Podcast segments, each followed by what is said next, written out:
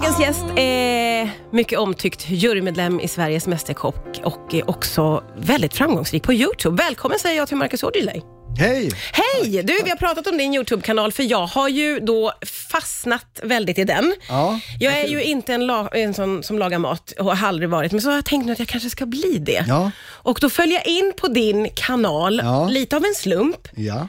men där är det väldigt lätt att känna sig välkommen och att känna att det här kanske jag vågar testa till och med. Vad kul. Det är precis det som är meningen med Youtube-kanalen. Att man ska kunna gå in och eh, göra någonting som man ser, men att jag utgår ifrån att alla är nybörjare på något sätt. Att jag liksom Ja. försöker vara så pedagogisk och visa så noggrant som möjligt, men sen är det bara freestyla bäst man vill. Men det är väldigt, det är väldigt välkomnande, man känner sig välkommen Ja, eh, och det känns enkelt.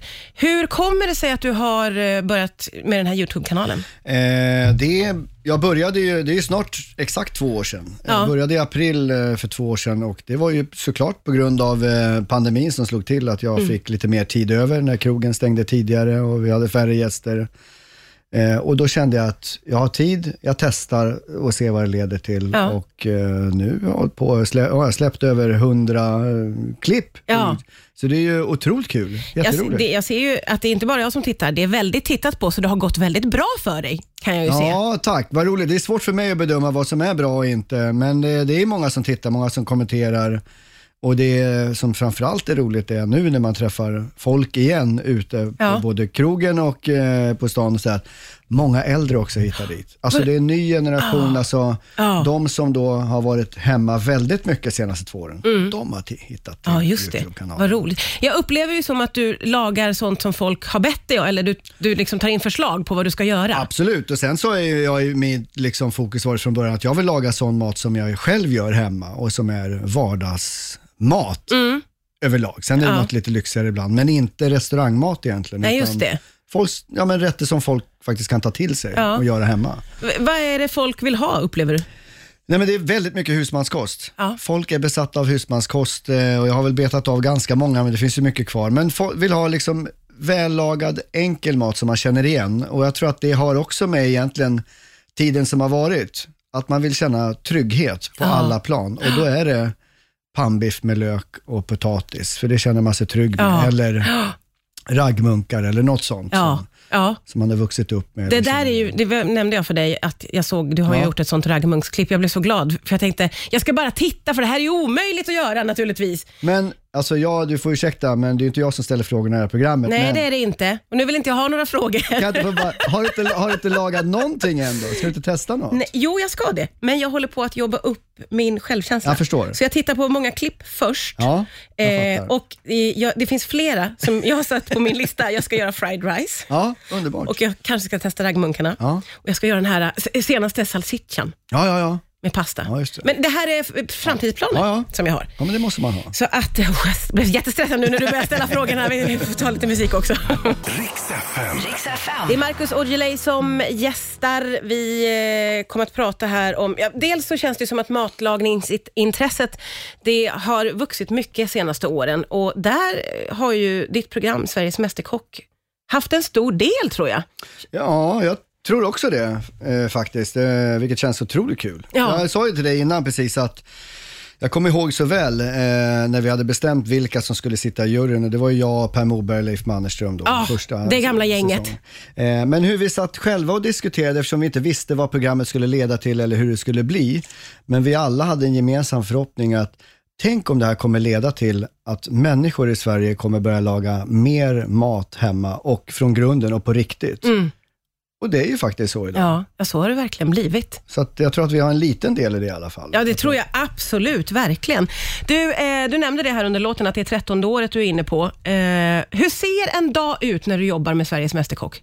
Eh, då, den ser du, ja, när vi spelar in då i, liksom i Mästerkocksköket om man säger, där, där de, det mesta av säsongen utspelar sig, Ja. så kommer jag dit på morgonen. Jag dricker eh, tre koppar kaffe Ja. hemma innan jag åker. Det gör Okej. jag alltid oavsett tid. Ja.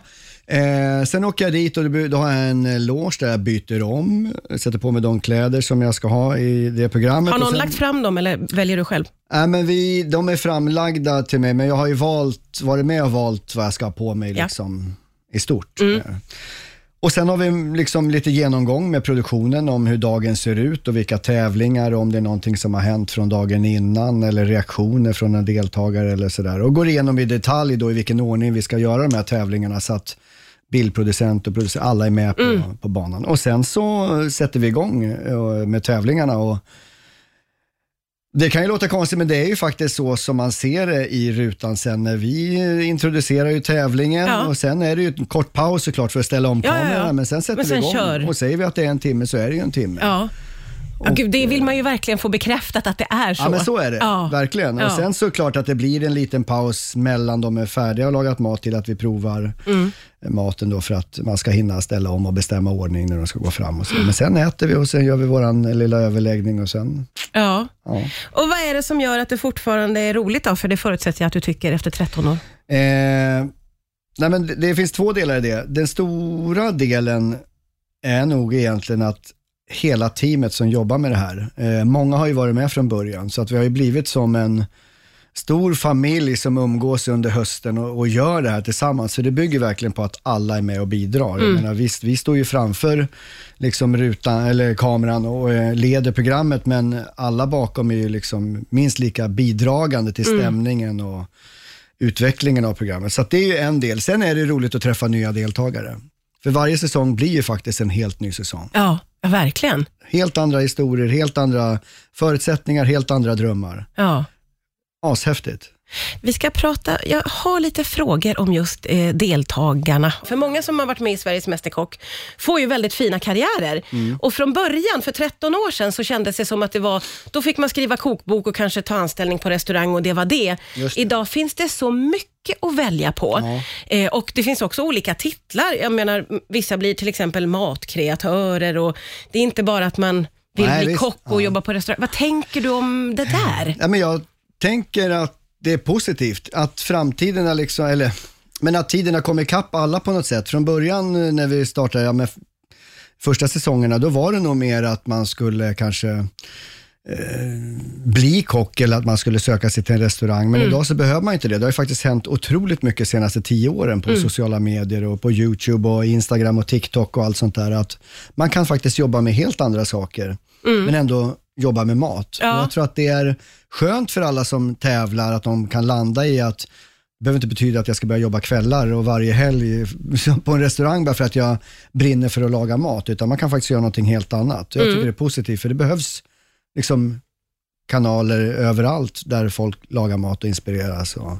Så det påverkar inte eh, kockar och kockyrket och, och skråt? Nej, men du- sen så tror jag överlag att det har nog alltid funnits jag menar, jag minns ju när jag var ung då, för många, många år sedan. Många, många, nej, men, nej men då ville man ju, jag menar jag drömde att bli rockstjärna. Men jag var inte beredd att sitta och öva på mitt instrument och bli duktig. Och det är ju det som krävs för att man ska liksom bli någonting Mm. någonstans. Och man ska bli känd för det man gör. Så att, och då kan det vara att jobba på restaurang är en helt annan logistik, ett helt annat yrke än att Mm. laga god mat och inspirera andra. Så att båda behövs. Mm. Men sådana här uttryck då, som matkreatör och sånt? Ja, men det behövs ju för att det finns ju, jag menar i, i magasin och tidningar och sajter och så vidare, så behövs det ju någon som är med och kreerar, det liksom är med och ser till att det ser bra ut och kommer på idéer och sådär. Det behöver man ju egentligen inte vara någon duktig, duktig yrkeskock för att göra. Nej. Det gäller att du har lite fantasi och är kreativ. Jag har funderat på en sak som inte alls har med ämnet att göra, eh, som jag måste ställa den här frågan. För idag så ställer vi en fråga till våra lyssnare om vad de irriterar sig på i trafiken. Ja. Och det här fick mig att undra, undra vad du är för typ av, eh, kör du bil? Ja. Vad du är för typ av förare? Jag tänkte, det är så omöjligt att säga om du är aggressiv eller väldigt lugn i Ja, trafiken. men jag ska säga att jag har utvecklats. Jag har ju, jag har ju jobbat Var har med du mig gått själv. ifrån? Nej, men jag var nog en sån som kunde lätt bli liksom lite irriterad och stressad när det vart köer eller då den framför inte liksom. Ja. Ungarna brukar skämta om, om mig sådär när jag sitter i bilen. Men nu har jag liksom klivit in i bilen och bara kliver in i mitt mode i min egen tid och jag njuter av det.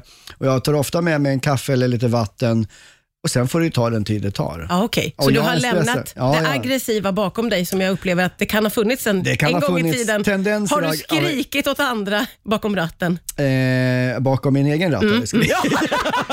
ja, gud. Hoppas att det Ja var- precis, bakom min egen. Jag skrikit, men jag har skrikit på andra Ja, när ja. de har suttit bakom sina egna Ja, rattar. precis. och jag har Ja. kallat dem för både ett och annat eftersom de inte fattar någonting. Ja. Men nu tycker jag att alla förstår allt och bara Ja. liksom, nu får det spela inte så stor roll. Underbart härligt och vuxet.